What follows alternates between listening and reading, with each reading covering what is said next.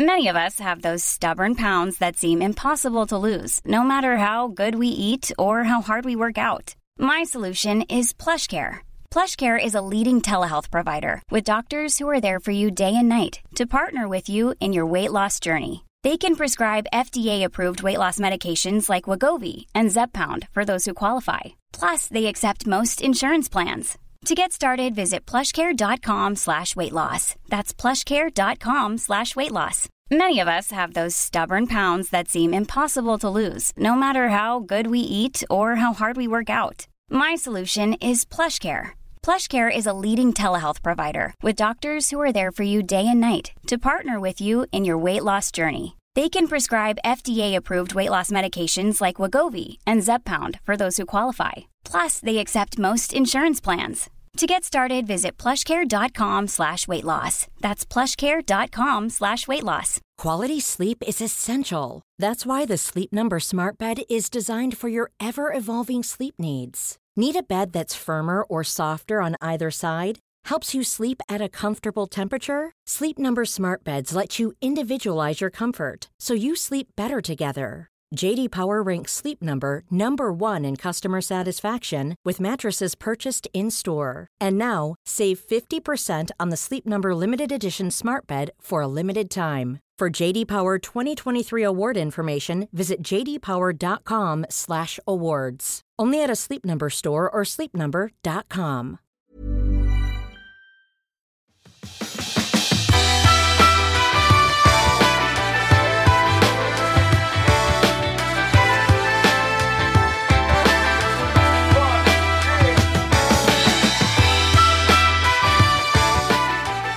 Hej och välkommen till avsnitt 100 av Klimakteriepodden med mig, Åsa Melin. Många frågar mig om varför och hur jag kom på idén med Klimakteriepodden och en del är nyfikna på mig och mitt klimakterium och vad som driver mig att göra Klimakteriepodden. Och en del av de här frågorna så ska du faktiskt få lite svar idag i det här avsnittet. Ja, jag kan väl börja med att berätta att jag var otroligt naiv som trodde att jag skulle kunna upplysa Sveriges kvinnor om allt som har med klimakteriet att göra på typ 10 poddavsnitt. Kanske skulle jag göra 20 om det visade sig att det fanns lyssnarintresse och ämnet var tillräckligt djupt och brett. ja, för vad visste jag? Absolut ingenting. Nu sitter vi i alla fall här med det hundrade avsnittet och jag har mer att utforska och ta reda på och ni som lyssnar har fortfarande frågor. Men att ställa frågor till sig själv och om sig själv, det är inte så himla lätt. Så jag eh, får faktiskt hjälp här idag av Åsa Molén. Ni vet hon som är så duktig på frågor så, och produkter som rör kvinnohälsa. Som ni kanske hörde i Sommarhettas alla försnack. När jag berättade att jag inte riktigt visste hur jag skulle hantera det här avsnitt 100 så erbjöd sig Åsa att intervjua mig. Så med viss ovana att sitta på fel sida om mikrofonen och inte helt utan nervositet så säger jag nu välkomna att lyssna på avsnitt 100 av Klimakteriepodden med mig, Åsa Berlin.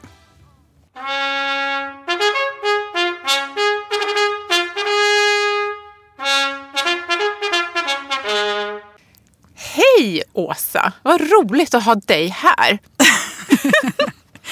Hej! Hur känns det att vara på den där sidan? Ja men som jag sa, alltså liksom lite så här nervöst. Ja. Jättekonstigt. Vad händer nu? Vi får se hur det går då. Ja, det Ja. kanske inte går så bra alls. Nej, det tror jag säkert. Du var ju inne på det i ditt försnack där, men det här är avsnitt 100 av Klimakteriepodden. Och du trodde inte riktigt att det skulle kunna bli så många. Berätta lite grann. Varför tror du var inne på tio. Vad, hur, hur tänkte du? Nej men jag tänkte så här att det måste ju finnas, det här med klimakteriet är ju någonting som händer alla kvinnor men ingen verkar prata om det. Men det måste ju finnas något fysiologiskt som så att säga är svaret på vad klimakteriet är. Och då tänkte jag så här att då tar jag reda på det. Eh, För det måste ju, jag fattade ju så mycket kunde jag ju eh, att jag visste att det hade med hormoner att göra. Jag tänkte lite som puberteten. En del är det kanske lite smidigare för och en del är lite jobbigare för. Men det det finns en grundgrej som händer. Så tänkte jag. Mm. Bockar och kryssa i där, att nu har jag svar på det här. Ja, och mm. då tänkte jag så här, då finns det ju också olika saker som vi påverkas av. Det är så här, hår och vad vi äter och hur vi tränar. Och, ja, men du vet, ganska naivt hela liksom, det här med, jag trodde att det var enkelt. Mm. Och, och, och sen så trodde jag inte heller att det var så olika för alla kvinnor. Jag har, idag eh, så har jag en enorm respekt för kvinnor som varelse. Alltså herregud. Mm. Vi är så olika och vi har olika förutsättningar och vi har helt olika historik och, och så vidare. Så det, är liksom, det, är, det är så stort, det är så mm. komplext. Mm. Och då kommer vi in lite då på det här igen att vi inte pratar med varandra ens. Så att man har inte riktigt koll på det. Nej, och sen så tänker jag också på det här man pratar mycket, ja men titta på din mormor eller på din mamma. Mm. Eh, nej men jag lever ju inte som min mormor eller mamma gjorde. Mm. Och sen har vi farmor som ska med i genetiken också. Så det är liksom, det är en an, alltså, jag tycker det är svårt att säga att så här kommer det bli. Mm. Och när börjar du inse att okej, okay, det, här, det här finns nog lite kvar att jobba med när du börjar närma dig avsnitt 10 någonstans? Hur? Ja, men alltså, det var väl också så att hade inte...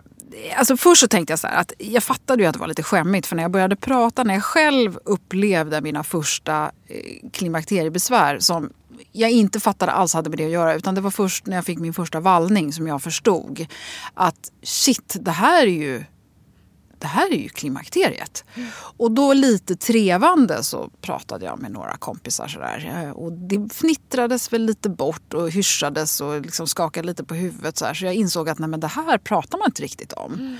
Och då lyssnade jag väldigt mycket på podcast. Så då tänkte jag så här, men att lyssna i en podd, det är ingen som vet vad man lyssnar på när man står på bussen eller när man är ute och promenerar eller när man står och stryker. Och, då tänkte jag att podd är ju det perfekta liksom, forumet att göra det här i. Ingen kommer veta att man är intresserad av det. Och då var det väl samtidigt så att jag liksom tänkte att om jag bara sprider den här informationen så, så, kommer kanske andra eh, pocka på och så kommer andra börja prata om det så kanske vi kan komma någon vart. Och till viss del så har det väl liksom mm. öppnats mm. upp lite grann. Men mm. mm. jag vet okay. inte, jag trodde nog framförallt att eh, vi inte var så olika. Jag trodde att det var mycket enklare. Uh, jag vet inte om det var svar på frågan. Ja men, men lite. Men jag vill i alla fall säga att jag och jag tror väldigt många med mig är väldigt glada över att det har blivit så himla många avsnitt. Och vi har ju också hunnit blivit väldigt nyfikna, eller ganska nyfikna i alla fall, på, på dig Åsa, Åsa Melin. Är du journalist? Det är ju en sån här första fråga när man gör sån här podcast och ställer frågor till folk. Nej, eh, inte alls. Eh, jag, när jag bestämde mig för att jag skulle göra den här podden, eller jag skulle göra det i det här formatet, då köpte jag en bok eh, som hette Intervjuteknik. okay. den, den, hade jag på sängbordet eh, i någon vecka. Och det som man får lära sig som nummer ett, det är att man ska aldrig ställa frågor som man kan svara ja eller nej på, utan det ska vara hur eller varför. Och det hör jag mig själv själv hela tiden mm. göra precis tvärtom. Jag ställer, ja. jag ställer hela tiden frågor för att jag vill leda. Jag vet mm. ju vad jag vill ha för svar. Mm. För jag tänker att det finns ett svar som man vill höra. Mm. Och sen nu när jag har lärt mig ganska mycket själv så finns det ju också en risk i att jag redan vet vad svaret ska vara. Eller man har pratat inför intervjun så jag mm. vet redan svaret på frågan och då kan det ibland bli lite mm. knixigt. Ja. Men mm. nej, jag är nog bara egentligen nyfiken av mig i naturen. Har alltid ja. varit frågvis och så. Ja, men då är vi inne på det. Berätta lite mer om dig, Åsa. Vi är ju nyfikna. Ja, eh, Eh, Eh, jag fyller 53 eh, snart, strax eh, efter att avsnitt 100 publiceras. Och jag fick min första vallning när jag var strax innan jag skulle fylla 50. Jag hade, fram tills dess hade jag haft helt regelbunden mens. Så det fanns ju liksom ingenting i det här som, som på något sätt avslöjade det. Däremot hade jag haft ganska mycket eh, känningar, stress och kroppsligt. Och jag hade känt mig... Eh, framförallt så kände jag nog det här att jag inte var så tålig längre. Eh, jag kände att det var, mycket var jobbigare och så sov jag förbaskat dåligt. Eh, jag tyckte att alltså, det var nästan paniken för mig. Att sömnen blev sämre och sämre och när jag väl vaknade på nätterna så kunde jag inte somna om. Det bara var en stor härva kändes det som. Liksom, med stress som bara gnagde. Och så gjorde jag liksom alla fel. Jag drack för mycket alkohol för det lugnade liksom ner. Så då liksom hem och ta ett glas vin, då kändes det ju lite bättre i alla mm. fall. Och det är klart att då blir sömnen ännu sämre när man har druckit två glas vin varje kväll. Mm. Eller kanske inte varje, men ofta i alla fall. Eh, och sen så var det här med liksom irritationen, de här humörsvängningarna som gjorde att jag blev förbannad i tid och otid och kände verkligen att ja, men jag var en ganska otrevlig person tror jag. Och både leva med och liksom jobba med. Liksom, jag kände mig inte glad längre. Utan jag kände liksom att det var mycket som skavde på något sätt på en gång. Och då har jag som alltid tränat hyfsat bra, men liksom i omgångar. Jag har aldrig varit någon elitidrottare. Så. Jag höll mycket på med sport när jag var yngre. Jag gillade jättemycket att åka skidor till exempel. och så. Men det var ju lite säsongsbetonat. Och sen har jag väl alltid liksom sprungit lite grann. Och med gym har jag tyckt var jättetråkigt. Och sådär. Så börjar man liksom få lite ont i kroppen och, och känna att det skaver liksom, både här och där. Mm. Och jag var väl inte riktigt färdig för att känna mig gammal. Men så ska man fylla 50 mitt uppe i alltihopa. Och det blir ju också otrolig grej. Ja, vad ska du göra på din 50-årsdag? Alltså det blir så stor hås kring det mm. där. Och allt i den här geggamojan då, när jag plötsligt fick den här första svettningen som gjorde att sömnen blev ännu värre. Då, då, då hade jag liksom panik ett tag. Och det var så här, okej, okay, vilka lakan måste man ha? Mm. Vilka tecken måste man ha? Hur... Eh, vi bytte säng, eh, du vet. För att jag vaknade av allt som min man överhuvudtaget gjorde. Mm. Det vaknade jag av. Så fort och du tänkte att sig. det var det som var liksom... Du tänkte inte klimakteriet i det nej, läget? Nej, nej du inte andra. förrän svettningarna... Mm. När svettningarna kom så gjorde jag nog det. Jag hade börjat mm. sova med öronproppar innan för att liksom mm. stänga ute ljud så att jag inte skulle vakna av det. Mörkläggningsgardiner. Um, Ja, och sen när jag liksom väl fattade att eh, klimakteriet hade kommit, då gick jag till hälsokosten och så var det så här, men okej, okay, vad tar man? Mm. Ja, men det är ju klimakteriet, det är inget konstigt. Det är så. Ja, men så här kan inte jag ha det. Fixa det nu liksom. Ja. Eh, vad finns det? Mm. Och då blev jag, och det har jag berättat förut, mm. då blev jag rekommenderad för Amarell och då började jag äta det. Och det tog inte mer än kanske tio dagar så försvann de här hemska nattsvettningarna. Mm. Men jag sov ju dåligt i mig så att det var liksom på något sätt hjälpte inte hela vägen. Utan det var ju liksom egentligen livsstilsförändringar som har varit eh, liksom, nyckeln till att få ordning på det. Mm. Får jag fråga, då, då gick du till hälsokost och frågade. Var det, var det naturligt eh, för dig att gå dit? Eller tänkte du, jag ringer min gynekolog? Eller hur tänkte du med första, första hjälpen? Nej, men jag hade inte varit hos en gynekolog på jättelänge. Jag hade varit hos barnmorskan och tagit ett sånt här cellprov några år innan. Eh, innan, nu pratar vi då typ när jag var 47 eller någonting, när det då var inför det här. Och då sa jag så här, när du ändå är där nere kan du kolla att allt står rätt till? Och då sa vad, vad menar du? Eh, har du ont? Nej, jag har inte ont. Nej, men då är det väl inget fel. Man går ju inte till doktorn med någonting som man inte har ont i. Nej, okej. Okay. Så du tycker inte jag borde gå till gynekologen då? För det var väldigt länge sedan jag var... Mm. Nej, man ska inte belasta vården i onödan. Mm. Den underbara kvinnan. Mm. Alltså, om jag mm. bara visste vad hon hette så hade jag ringt ja. upp henne nu så här i efterhand. Men, men eh, så... Mm. så att, mm. nej, jag hade du kände inget förtroende riktigt? Nej, men jag hade ingen gynekolog att gå nej. till heller. Mm. Så att, liksom, hur gör man? Och då hade ju det där inpräntat. Nej, men jag hade ju inget fel där nere. Nej, så vem går man då ja. till? Liksom? Ja, men det räckte inte riktigt hela vägen då. Men det började Nej, men det med den hjälp ja, du fick där? Så, absolut. Mm. Och sen så eh, började jag nog att ta lite bättre hand om mig rent generellt. Jag insåg ju att det fanns många andra saker att göra. Men ett av de stora felen som jag gjorde det var ju så att för att känna mig peppad för att träna lite mer strukturerat. Då anmälde jag mig till Lidingöloppet tillsammans med några kollegor. Och det var ju absolut dum idiotiskt så här i efterhand. Min kropp behövde ju inte mer stress och springa oftare och längre än någonsin tidigare i mitt liv. Utan jag, jag behövde ju ta det lugnare och lära mig avslappning och återhämtning. Det vet jag nu, men det visste jag inte då. Jag hade ingen aning. Man biter ihop och så kommer man igen lite extra som kvinna på något ja. sätt många gånger. Ja, nej, men lite så. Och det mm. ska liksom inte vara någon svaghet. För mig så var det så här att jag gillar inte tanken på att klimakteriet och åldrandet skulle vara någon svaghet. Då måste man på något sätt slå lite hårdare mm, på Bevisa sig själv. lite. Ja. ja, och jag tänkte så här att man it's all in your mind liksom, mm. på något sätt. Att, mm. Bort med de där tankarna. Mm. Och så...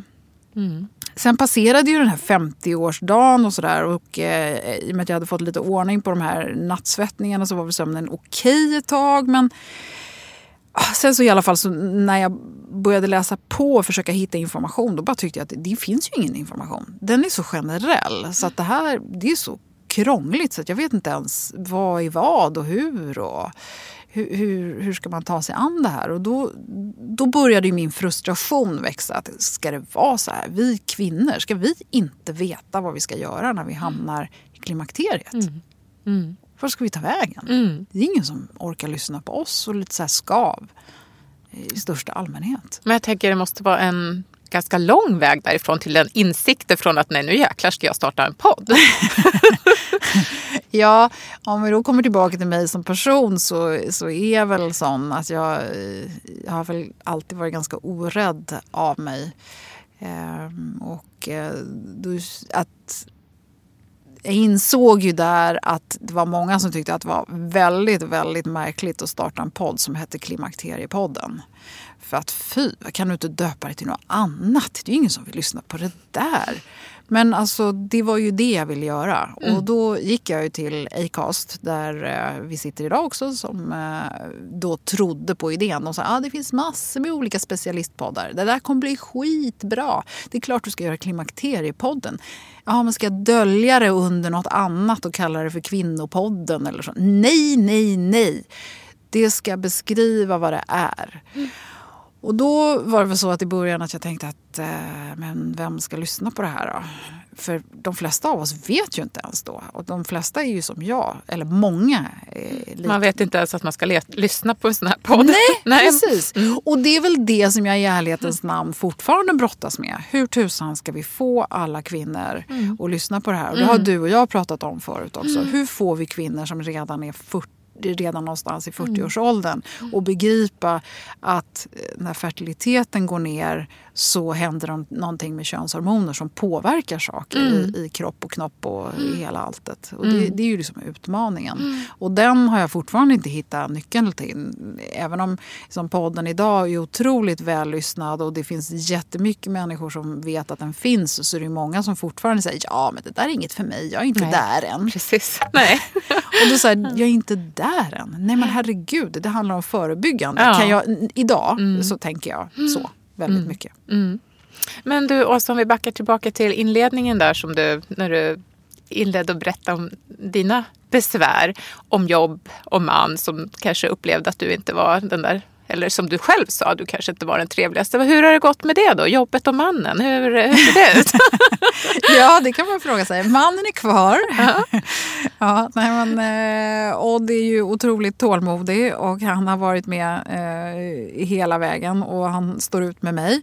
Eh, när det gäller mina kollegor så har jag ju numera eh, haft förmånen kan jag väl nästan säga då, att, att dra ner lite på tempot och i och med att podden har blivit en så stor del och har så mycket lyssnare och tack vare de samarbetspartner och sponsorer som jag har så kan jag ju ta ut en liten lön på, eh, på det arbetet och då har jag kunnat dra ner på annat arbete. Men initialt så hade jag ju ett heltidsarbete och då blev det ju för mycket till slut. Mm. Eh, det insåg ju jag också. Mm. Eh, även om jag inte la lika mycket tid på podden då i början så, så var det ju ändå too much. Men eh, jag tror att en av de stora sakerna det är ju att jag har haft förmånen att kunna dra ner på tempot och mm. inte ha, de jag jobbar med idag är ju inte mina kollegor dag till dag längre på samma sätt. Men jag har fått ett bättre humör, det har jag absolut. Mm. Jag är ju stabilare i humöret och det handlar ju mycket om att jag också vet Alltså, ja, men du, då är vi lite inne på den här själv. frågan som jag tänkte jag skulle ställa med. Om vad du gör själv idag för ja. dina klimakteriebesvär om du vill Jo men alltså när, en, roten till alla eh, klimakteriebesvär det är ju på något sätt stress och eh, dålig återhämtning. Och när du inte får sova, då, då funkar ju till slut ingenting. Och börjar du dessutom springa som en jävla dåre eh, så, så är det klart att du belastar kroppen både med stress fysiskt och du har redan den psykiska och eh, mentala stressen och sen så har du dessutom en hormonell stress. Det är klart att det blir ju liksom ingen bra kombination. Så det har ju varit en jättestor sak för mig att jag har dragit ner på tempot och börjat lyssna lite mer på kroppen. Sen rör jag på mig mycket mer strukturerat. Jag har börjat eh, styrketräna och eftersom jag fortfarande inte tycker det är det roligaste som finns så gör jag lite grann varje dag istället för att liksom släpa mig till gymmet eh, så har jag fått ett program som jag liksom kan göra själv. Och då gör jag kanske tre, fyra, fem, sex övningar om dagen och så, så alltid i kombination med någon form av annan fysisk eh, aktivitet. Eh, om det är en promenad eller om det är, eh, jag springer så försöker jag springa. Ibland springer jag backar, ibland springer jag långt, ibland springer jag kort och ibland gör jag ingenting. Eh, jag försöker lyssna på mig själv mycket mer. Jag dricker otroligt lite alkohol nu för tiden. Jag är också försiktig med kaffet. Jag dricker kaffe på förmiddagen gärna och, och aldrig efter tre. Det känner jag är en jättestor grej med sömnen. Mm. Mm. Sen äter jag mycket hälsosammare. Eller tänker verkligen på vad jag äter. Jag har alltid ätit hälsosamt hälsosamt. Men, men nu är jag verkligen liksom mer noga med det. Det betyder inte att jag aldrig äter godis eller glass, för det gör jag absolut. Men mm. mycket mera, jag ser till att jag verkligen får i mig det jag behöver. Och då tar jag också en del kosttillskott som jag, liksom, i olika perioder som jag känner att jag liksom får extra styrka av.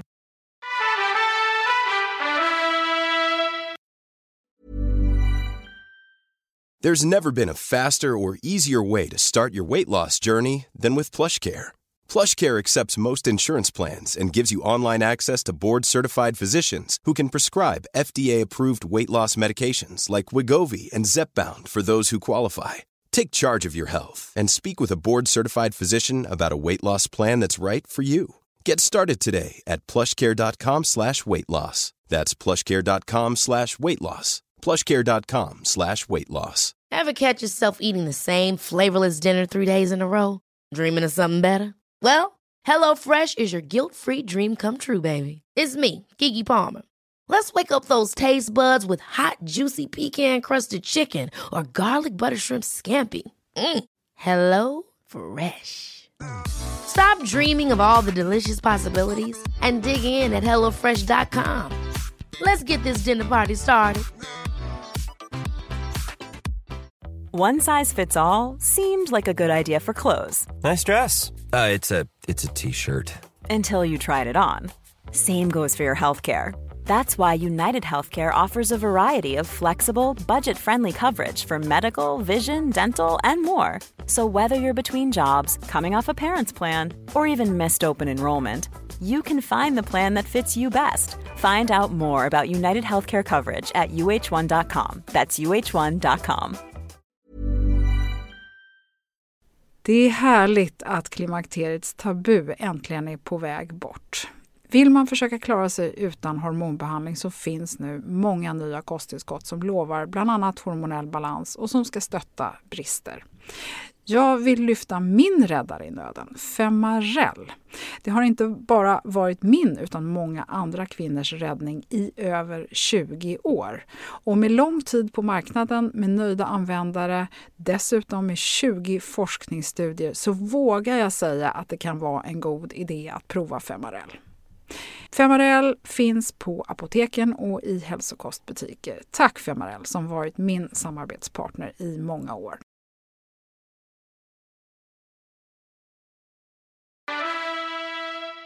Sen ganska tidigt så med poddintervjuerna så fanns det ju uppenbart ganska många fördelar med östrogen när jag lyssnade på alla de här professorerna och gynekologerna och läkarna och allt jag läste. Mm. Och då bestämde jag mig också ganska tidigt för att nej, jag vill ta östrogen för att det eh, finns uppenbarligen många hälsofördelar. Och då började jag ta eh, östrogen ja, ganska så, så tidigt i hela den här fasen och definitivt eh, eh innan jag slutade menstruera. Jag har fortfarande inte passerat menopaus. Mm. Eh, så ja, jag, jag, bara känner att jag vill inte chansa. Jag vill se Mm. vad det ger. Sen har jag hållit på och mixtrat med olika saker och det kan jag göra tack vare att jag har en gynekolog som lite grann experimenterar med mig, Mm. håller mig i handen. Nu går jag hos honom eh, ganska många gånger per år och har haft förmånen att vi, vi har hållit på och mixtrat med olika saker och prover och, och eh, sak, på ett strukturerat sätt. Det här är kanske ingenting som jag hade gjort på egen hand men efter att ha hittat en gynekolog som också har varit med i podden, Sven-Erik Olsson, som jag tycker är fantastisk, så eh, har jag ju tillsammans med honom, vi har ju hållit lite grann varandra i, i handen när det har gällt det här så jag har kunnat mixtra lite Mm. och testa. Men idag mår jag faktiskt eh, väldigt bra och jag sover. och då blir ju allt genast mycket Allt blir enklare. mycket, mycket, mycket bättre. Ja. Lättare. Men det som jag tycker är viktigt att lägga till där det är ju så här att man tror att man har hittat, eller jag har liksom många gånger trott att nu har jag hittat receptet. Nu, det här, det är så här det ska gå. Mm. Det här, nu funkar det. Så tar det ett par veckor så är, funkar det inte alls. Så att vi måste ha stor respekt för att vi hela tiden också förändras under eh, vårt liv och även liksom både långsiktigt men också kortsiktigt. Det kan Mm, vara från månad till månad. Och, och klimatet ute tänker jag spelar jättestor Mm. roll med ljus och, och värme eller kyla och, och Mm. de här olika eh, andra årstidsvariationerna. Mm, mm. Och sen stressen, det, det kommer jag tillbaka till hela tiden. Så Mm. fort den gör sig påmind så ja, då, då blir allt värre. Ja, och så hamnar man lite i det där ekorrhjulet igen. Ja. Vad, vad är vad och Ja, hur. precis. Ja. precis. Jo men Åsa, jag tänkte på det. Eh, mannen eh, berättar ju om, han är kvar och så. Eh, jobbet och kollegorna, de, de är inte kollegor på samma sätt. Men vad var det du gjorde då när du... Eh, ditt, ditt jobb? Mitt tidigare jobb. Ja. men jag har jobbat med produktutveckling och kvalitetssäkring på en av Sveriges eh, större vinimportörer under ganska många år. Och hade ett jättespännande jobb så jag reste väldigt mycket och eh, ja, hade jättespännande möten. Men det som väl har varit grejen är att Sverige är en monopolistisk och ganska liten marknad och till slut så kände jag väl att ah, men nu har jag gjort det här färdigt. Så kan jag väl känna. Och eh, innan dess så jobbade jag i resebranschen vilket eh, var en eh, Starten var egentligen att jag hamnade i Sydafrika i början på 90-talet som skidlärare. Vilket Jaså? en lite mystisk... Eh, men vi, vi lärde folk åka skidor på en artificiell eh, skidbacke. Och sen så jobbade jag i Verbier i Schweiz under vintrarna och så jobbade jag då i Johannesburg eh, på ja, deras vinterhalvår fast vårt sommarhalvår. Och det höll jag på med i fem år. Och då hade jag förmånen att resa väldigt mycket i södra Afrika. Så att 95 när jag flyttade hem efter fem år med det här kajkandet fram och tillbaka så eh, startade jag ett företag som höll på med resor till södra Afrika. Och, och det höll jag på med i eh, ja, sex, sju år. Sen sålde jag det företaget till en större researrangör och då var jag så att säga med på köpet där initialt. Men man ska inte sälja sin bebis för då blir det inte som man... Eh, eh, det finns ingen som sköter sin, mm, ens egna barn så bra som man Nej. själv. Så att det, det kom liksom till ända. Och då hade jag jobbat eh, mycket med just mat och vinresor och blivit väldigt vinintresserad. Så då utbildade jag mig till sommelier och eh, läste på restaurangakademin i Stockholm och eh, kom då in i, i den branschen. Spännande. Jag har både då jobbat som anställd och själv och importerat eh, i, i eget företag och också jobbat som anställd. Så att, ja. Mm. Så det här, när du startade Klimakteriepodden, då gjorde du det parallellt då helt enkelt? Ja, med mitt sista jobb. Mm. Där, då hade jag ett heltidsuppdrag som konsult för som sagt en, Mm. tid, en, en importör. Men du, jag tänker på, du har ju intervjuat väldigt många, både Mm. läkare och professorer. Jag tänker, för, har du upplevt att de förstår oss? Vad ska man säga, att vi kvinnor har svårt att veta eh, vad vi ska göra? Eller har du, upplever du att de tycker att det är, eh, vadå? Att det är en annan värld för dem här ute? Vi vanliga. Det, det, är otroligt tydligt. Professorerna som inte har mycket patientkontakt, de kanske eh, undervisar och de, i bästa fall så är de specialister så de har några i något forskningsprojekt som de träffar ute i världen. Men de lever i en egen liten bubbla. Mm. De har ingen aning. Mm. De är jätteduktiga på ett ämne. De kan supermycket men de har ingen aning om hur det går till ute på golvet. Så det hjälper inte oss kvinnor som måste träffa gynekologer. Och av de vanliga kliniskt verksamma gynekologer som jag har träffat så är det ju, eh, det kan jag erkänna också, jag har inte publicerat alla avsnitt som jag har gjort intervjuer för. För att en del har inte koll. Mm. Och en sak som är uppenbar också som är lite skrämmande det är att när den här VOI-studien kom 2002 och som det blev sån otroligt rabalder om och som tolkades på massa olika sätt. Mm. Det blev ju en otrolig hormonrädsla i samband med det här. Mm. Och det gjorde att man kan säga att det finns, och det här är inte mitt citat, det är en professor som har förekommit i podden flera gånger som har sagt det här. Det är en förlorad generation. Det finns ett antal gynekologer, framförallt de som kom ut eh, ur sina utbildningar i början på 2000-talet det har inte funnits någon efterfrågan fram till egentligen för några år sedan när man har liksom börjat eh, titta på uppföljningsstudier av den här ur, ursprungliga larmrapporten och insett att men oj då, vänta, hallå, det var kanske inte så farligt det här med mm. östrogen utan det är gestagenet vi ska titta på och så vidare. och så vidare. Mm. Det är mm. liksom en helt, helt ämne i sig. Men det gör ju att många av de här gynekologerna som vi träffar eh, ute på vårdcentraler och, och, och så vidare, de kan inte tillräckligt mycket. Och det, man får inte heller glömma att när du kommer till en vanlig husläkare. Ja, som många gör idag. Det är inte alla förunnat att kunna få tag på en gynekolog. Verkligen inte. Nej, men då, då hamnar du hos någon som kanske, säger att 2 av kunderna är en kvinna som ens har liksom, klimakteriebesvär. Mm. De, de, är inte ens vaksamma på det. De Nej, hon är stressad aning. och kan inte sova så blir det något annat. Ja, för det är ju det kvinnan mm. själv vittnar om. Mm. Så det är ju en det är otroligt viktigt att vi som kvinnor hjälper varandra. Mm. Jag, om jag bara får önska en enda sak så är det att kvinnor som vet vad klimakteriet är berättar det för sina medsystrar. Mm. Och då får man börja i god tid eh, så, så att de inte känner sig påhoppade. Mm. Så man får börja någon gång redan när de är 35-40 så att de liksom inte känner “jaha vadå, tror du att jag är klimakteriet?” som om det vore något hemskt. Ja, du tänker vilket, så redan innan man ens Ja, men vilket ja. inte absolut, det är inget ja. hemskt med klimakteriet. För man rasar inte ihop. Mm. Och eh, livet behöver inte bli skit. Eh, och blir det det, eh, vilket det ju tyvärr blir för en del, då, då finns det ändå olika saker som man kan ta till. Mm. Men eh, det är väl en av de liksom, grejer som är, är värst, att vi inte pratar tillräckligt om det mm. oss emellan. För du kan inte begära att en läkare ska ha svaret för dig. För du, du måste också ta ett eget ansvar där. Mm. Mm.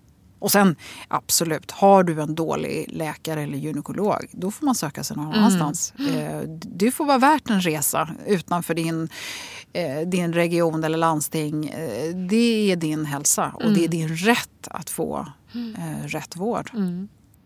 Ja, det var bra. Det låter som att du inte riktigt är klar med Klimakteriepodden i alla fall, Åsa. Det finns mer att, mer att ge och fler att intervjua och så. Eller? Ja, jo men det tycker jag nog. Alltså, när det gäller att ställa fler frågor så är ju lyssnarna en, en viktig del i det. För det kommer ju mycket frågor från eh, de som lyssnar på podden. En, ibland så bli, har det väl en tendens att kanske gå, li, bli lite för mycket specialistfrågor som är för individuella eller privata till och med. Och då är det svårt att göra avsnitt av det. Men annars så får jag ju mycket inspiration eh, därifrån. Och det, det är ju det, det, är också så att det kommer till nya lyssnare och då kanske vissa saker tål att repeteras. För alla går inte tillbaka och lyssnar på alla avsnitt. Och även om du har hört någonting förut så sägs det på ett annat sätt. Så vissa mm. saker kanske liksom upprepas lite. Men sen, det är ju mycket forskning som dyker upp och det är ju... Um, alltså det händer ju saker mm. hela tiden mm. på, på alla områden. Mm. Det kommer nya allt från nya kosttillskott till alternativmedicin och nya metoder på alla möjliga mm. sätt som, som också kan vara värda att lyfta, tänker jag. Men ser du någon skillnad från när du började och om vi tittar på nu i samhället? Pratar vi mer om klimakteriet? Det har vi gjort försök i alla fall, tv-serier och eh, annat. Tycker ja, men jag det... tror att det är en av de sakerna som, som du också har sagt att nej, vi har inte pratat klart. Nej. För att det kommer alltid behöva pratas. Mm. Och, och framförallt det här att varje kvinna går igenom klimakteriet på på ett unikt sätt. Och hon kan behöva få saker sagda till sig på ett sätt som inte jag förstår eller någon annan förstår. Och därför så tror jag att det är oerhört viktigt att man pratar Alltså, vi behöver inte tjata om det här hela tiden som om det vore ett problem, för det är det inte. Men det kan vara det. Eh, och därför så tror jag att man ja, medvetande det, det, skulle jag önska. Att, liksom, att, att, få se mig själv som någon slags opinionsbildare inom kvinnohälsa det är väl det som jag skulle liksom önska att mm. resultatet av det här eh, på något sätt ändå blir. Men eh, sen finns det massor med spännande människor. Jag har eh, nu en hel radda uppbokade här den närmaste månaden framöver med spännande saker som, som ska sägas. Så att... Ja, men det tänkte jag också. Det det, har det varit eh, lätt att få folk att ställa upp dem du har velat intervjua eller har, det varit, har du behövt övertala de som du vill ha haft med? Nej, men I början var jag jättenervös när jag kontaktade någon. Och sen ja. så åh nej, hon, kan, hon kommer säga nej och, och vem är jag, bara lilla jag och klimakteriepodden och uh, det här kommer mm. aldrig gå. Sådär. Men de flesta är väldigt positiva. En del är lite mediaskygga. Eh, och jag har full respekt för det. För nu har podden en bra bit över 10 000 lyssnare i veckan. Så att jag förstår att man kanske inte alltid, om man inte känner sig tränad att prata för folk, även om intervjuerna sker bara mm. två och två så här, så kan jag förstå att man inte vill, eller man kanske inte vill dra ögonen till sig eller öronen till sig på no av någon anledning. Mm. Men det är väldigt få generellt som har sagt nej. Mm. Ibland kan det vara så att de vill lite mer veta, jaha men det där känns inte som mitt område riktigt. Du ska nog prata med den här och den här. Mm. Men det, det, är oftast väldigt konstruktivt. Och sen är det en och annan lite mer så här känd person som, som kanske har eh, sagt nej. Nu är det inte så här jättemånga eh, kändisar för att de har oftast inte så mycket att säga. Men, men mm. som, som kanske är medicinskt relevant mer än att berätta sin egen historia. Men mm. det har också hänt att någon har sagt nej. Mm. ja. ja, men du, hur ser det ut? Ehm, är det så att du har någon som du tänker att, ehm, att den här personen vill jag jättegärna intervjua som du inte riktigt har eh, det finns ju otroligt många spännande personer internationellt. Just det. Och då är det ju så här, okej okay, ska jag börja göra intervjuer på engelska eller inte? Och jag, mm. det, jag, jag, tycker att ämnet är så pass komplicerat så att det kan vara svårt att hänga med. Och då ska man kanske göra eh, svenska sammanfattningar och, och så vidare. Det. Det, det. kan vara, och, och plus att det, det, är ett helt nytt fält då. Mm. Sverige är ändå så pass litet så att jag kan lite grann reda ut i alla fall och kolla referenser. Och mm. kolla, är det här en person som går att lita på? Eller, mm. Bara för att jag mm. Eh, tycker en person verkar spännande betyder ju inte det att den har rätt saker att säga. Och det är ju en del av det jobb som jag måste lägga ner. Att faktiskt ta reda på vad är det för någon kuf eller filur. Ja, så att det inte kommer ut några hemliga konstiga budskap mm. som är mm. falska. Liksom. Mm, mm. Sen gillar jag ju att inte alla säger samma. Mm. Eh, och det finns ju liksom en, en hel del saker som sägs som inte är vetenskapligt belagda. Eh, som har med mer erfarenhet eller vad som kan kallas som beprövad mm. metod. Men Mm. Ja, så det är klart att allt som sägs i podden inte har en vetenskaplig studie bakom sig. Nej, men det tycker jag att du är ganska tydlig med också. Att du, har ju, du är väldigt bred i dina, de som du hittar och intervjua. Och något som jag tycker väldigt kul är att du inte ger dig förrän du får, får ett svar. Och då är det inte alltid ja eller nej, utan du vill verkligen, för oss lyssnare tänker jag, Ja, för det har ju det. blivit svårare när jag har lärt mig mer själv. I början så kunde jag ju absolut ingenting. Eh, och då var det lättare att sitta där som ett frågetecken och ställa följdfrågorna. Ja. Nu ibland så är det svårare för att jag inte riktigt hör vad som kanske kräver en, en djupare ja. förklaring. Mm. Mm. Ja. Har vi missat någonting, Åsa, relevant här som inte jag har frågat om? Det är inte det en sån fråga du brukar fråga dina? jo, jag vet inte, jag kanske inte riktigt svarade på vem jag är Nej. där i början. Och, och, eh, så, jo, men det kom fram att jag är gift. Eh, Mm. Jag kan också lägga till att jag har inga egna barn, men jag har två bonusbarn. Och numera har jag också tre bonusbarnbarn. Mhm. Och sen så har jag en mamma och en pappa och eh, jag har en bror med tre jättehärliga tjejer i ett spann mellan 10 och eh, 16, 17.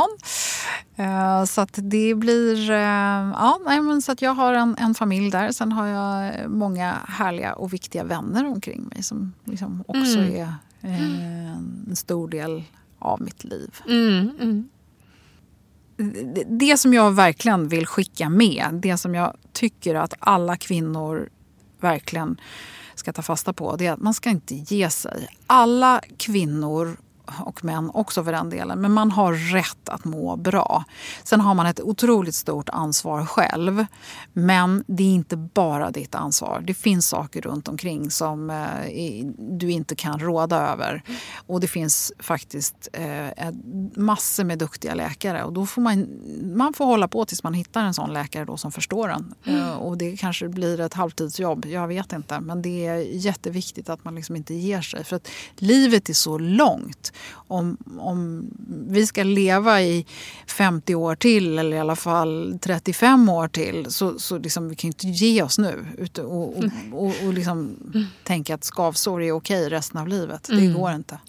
Och gå och tänka i flera år att det här ska jag klara av själv. Det är ju också lite slöseri av tid då för att vi klarar ju inte allting själva. Nej, precis. Och det tror jag är lite vår generation Mm. också. Att man liksom... Ja, men man ska klara sig själv, man ska vara duktig flicka och det ska, Ja, man ska inte klaga och Mm. Nej. bit ihop och Mm. man ska inte vara någon vekling och sådär. Säkert bara inbildning, det har man väl också hört några gånger. Ja, och så, så finns det ju de som är så käcka som säger har man inte ont någonstans då är man död. Ja. ja, men Åsa, jag vill i alla fall tacka dig Åsa Melin för att du har tagit dig tid att eh, berätta din historia. Tack eh, Åsa Molén för att du ville eh, för att du vill göra det här. Det, det har varit en, det är lite som att fylla 50 när podden skulle fylla 100, avsnitt 100. Hur 17 gör man? Eh, Och hur fort gick det inte till att komma hit då? Har det inte gått väldigt snabbt? jo, det har det. Mm, Ja, det har det. Två år. Ja, Mm. nej, det, nej, det är konstigt. Men det är så roligt. Jag har träffat eh, så mycket spännande människor genom podden. Så roligt. Och också fått nya vänskaper. Så att, eh, det, nej, det är jättekul. Jag tror att eh, jag och alla lyssnare då tackar dig så väldigt mycket för att du har- kom på den här idén. Åh, tusen tack. Och så ser vi fram emot 100 avsnitt till va? ja, vi får väl se.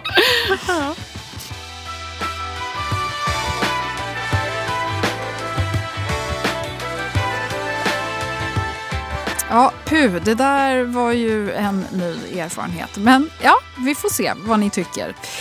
Ibland så får jag mejl eller meddelande där man vänder sig till till er eller till ni i Klimakteriepodden, redaktionen. Och då kan jag ju lägga till att det finns ingen redaktion utan eh, företaget Klimakteriepodden det är jag, en vanlig kvinna som alltså fick för sig att det saknades information om något så relevant som klimakteriet på ett sätt som vi som faktiskt vill lära oss något förstå våra kroppar och psyken lite bättre på ett språk som inte var fyllt av latinska ord och obegripliga uttryck kunde ta till oss. Och göra andra medsystrar uppmärksamma på att det kan finnas en naturlig förklaring till att man inte mår som tidigare och att man inte känner igen vissa fysiska signaler, framförallt att det går att göra något åt det. Det är min mission. Men jag hade inte klarat det här själv.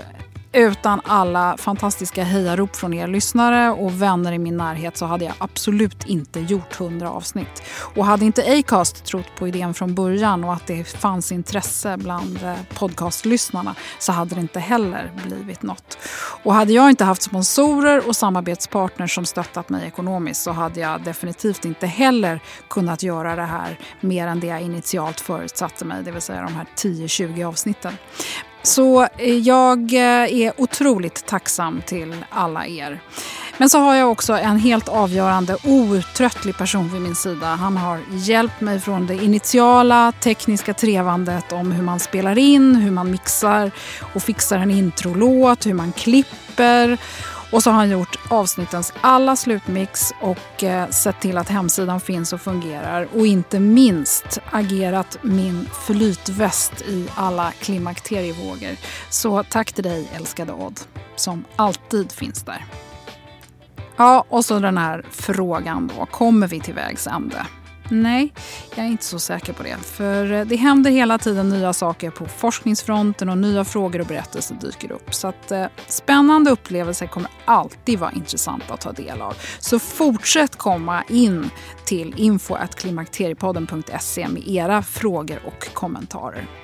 Men samtidigt så har ju allt en tendens att utvecklas och förändras och vem vet, kanske sitter jag här och firar avsnitt 200. Eller så har någon annan som känner sig manad tagit över stafettpinnen. Eller så har Klimakteriepodden kanske fått en ny form.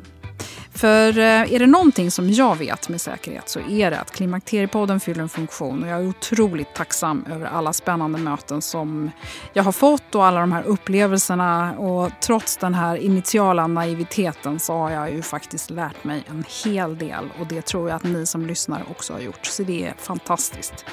Så välkommen att fortsätta hänga med och i avsnitt 101 så kommer du återigen få lära dig något för då ska vi tala om de uppdaterade riktlinjerna som precis är antagna av eh, SFOG, Sveriges förening för obstetrik och gynekologi, på deras årliga konferens. Så hjärtligt och varmt tack för att du har lyssnat och hej då.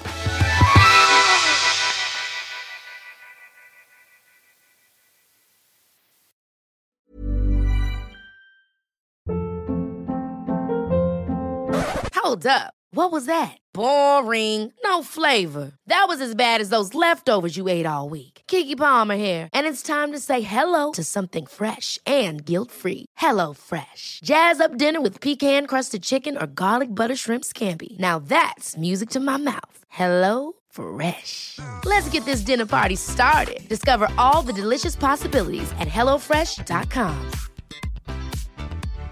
Hi, I'm Daniel, founder of Pretty Litter. Cats and cat owners deserve better than any old fashioned litter. That's why I teamed up with scientists and veterinarians to create Pretty Litter. Its innovative crystal formula has superior odor control and weighs up to 80% less than clay litter. Pretty Litter even monitors health by changing colors to help detect early signs of potential illness. It's the world's smartest kitty litter. Go to prettylitter.com and use code ACAST for 20% off your first order and a free cat toy. Terms and conditions apply. See site for details. Imagine the softest sheets you've ever felt. Now imagine them getting even softer over time. That's what you'll feel with Bowl and Branch's organic cotton sheets. In a recent customer survey, 96% replied that Bowl and Branch sheets get softer with every wash. Start getting your best night's sleep in these sheets that get softer and softer for years to come. Try their sheets with a 30-night guarantee. Plus, get 15% off your first order at bowlandbranch.com. Code BUTTERY. Exclusions apply. See site for details.